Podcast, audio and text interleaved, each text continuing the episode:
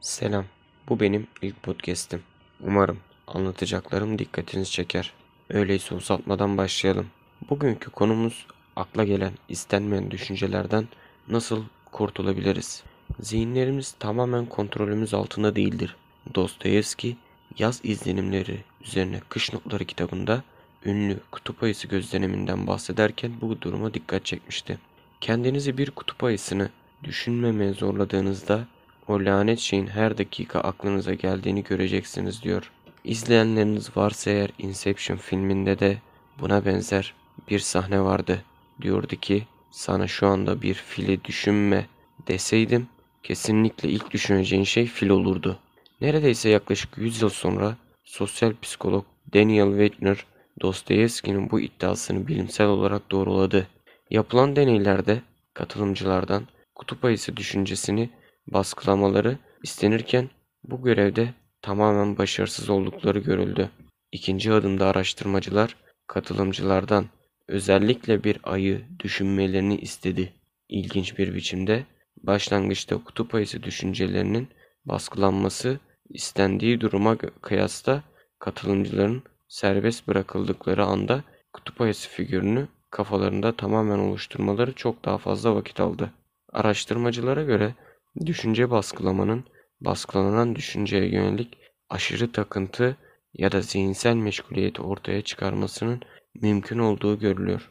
Beyindeki ayılar bir şekilde zararsız bir meşguliyet ortaya çıkarırken aynı geri tepme etkisi acılı ya da sıkıntılı konular üzerinde düşünmemeye çalışırken de ortaya çıkabiliyor. Bir düşünce baskılanmaya çalışıldığında beynimiz söz konusu bu düşünceyi gerçekten baskılayıp baskılamadığımızdan emin olmak için onu tekrar tekrar kontrol eder. Böylelikle de bu durum kendimiz düşünceyi daha fazla düşünür halde bulmamıza neden olur. Unutmamaya çalıştığınız kişi için de aynı süreç söz konusudur. Bunun yanı sıra zihninizi kontrol altında tutmaya çalışmak, gerek bir şeyi bastırmak, gerekse de zihinsel olarak zorlu bir görevi gerçekleştirmek olsun, kaynaklar gerektirir. Ki bu kaynaklar bizim sınırlı sayıda sahip olduğumuz kaynaklardır. National Taiwan Üniversitesi'nden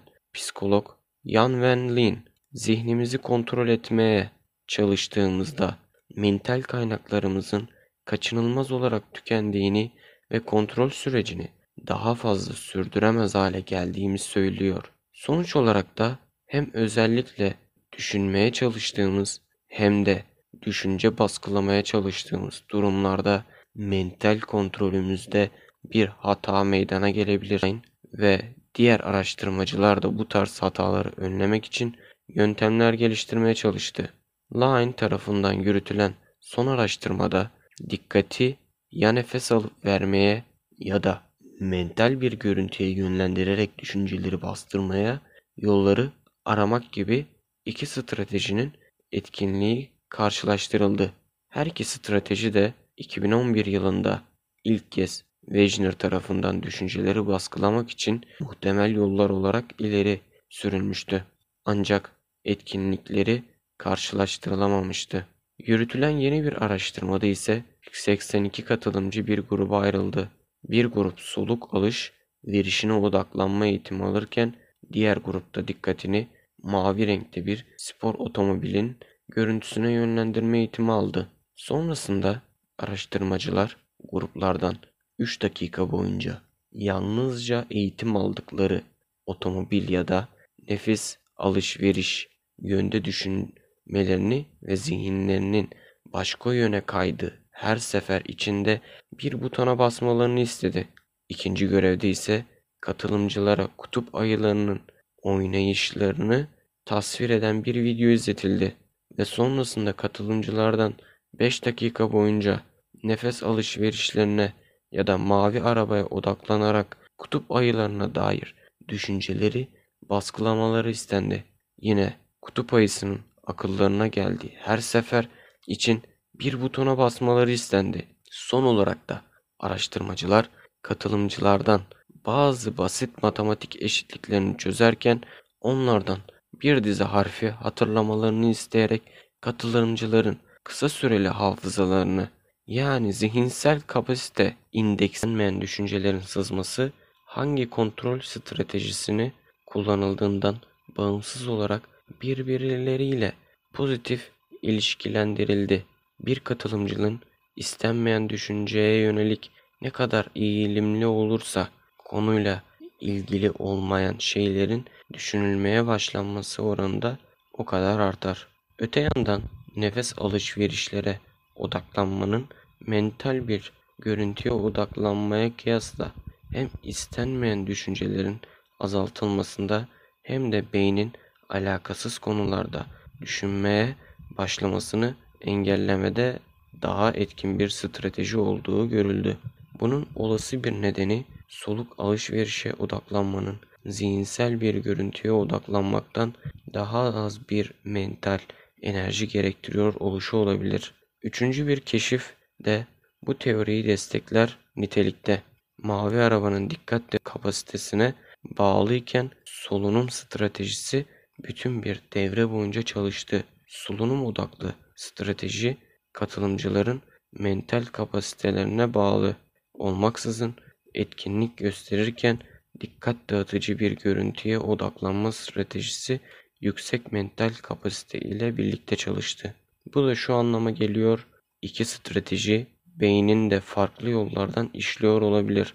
Ancak yine de daha fazla araştırma yapılmasına gerek var.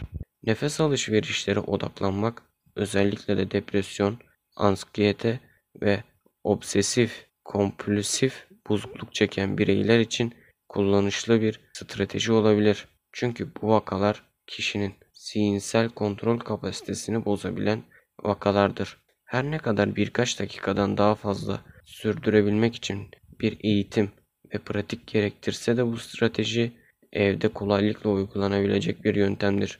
Nefes alışverişler istenmeyen düşüncelerin baskılanmasında tek yöntem değildir. Yapılan diğer araştırmalar bahçe işleriyle uğraşmak, egzersiz yapmak, sanatla ilgilenmek ya da el işleriyle uğraşmak gibi dikkat dağıtıcı aktivitelerinde olumlu sonuçlar oluşturabildiğini ortaya koyuyor.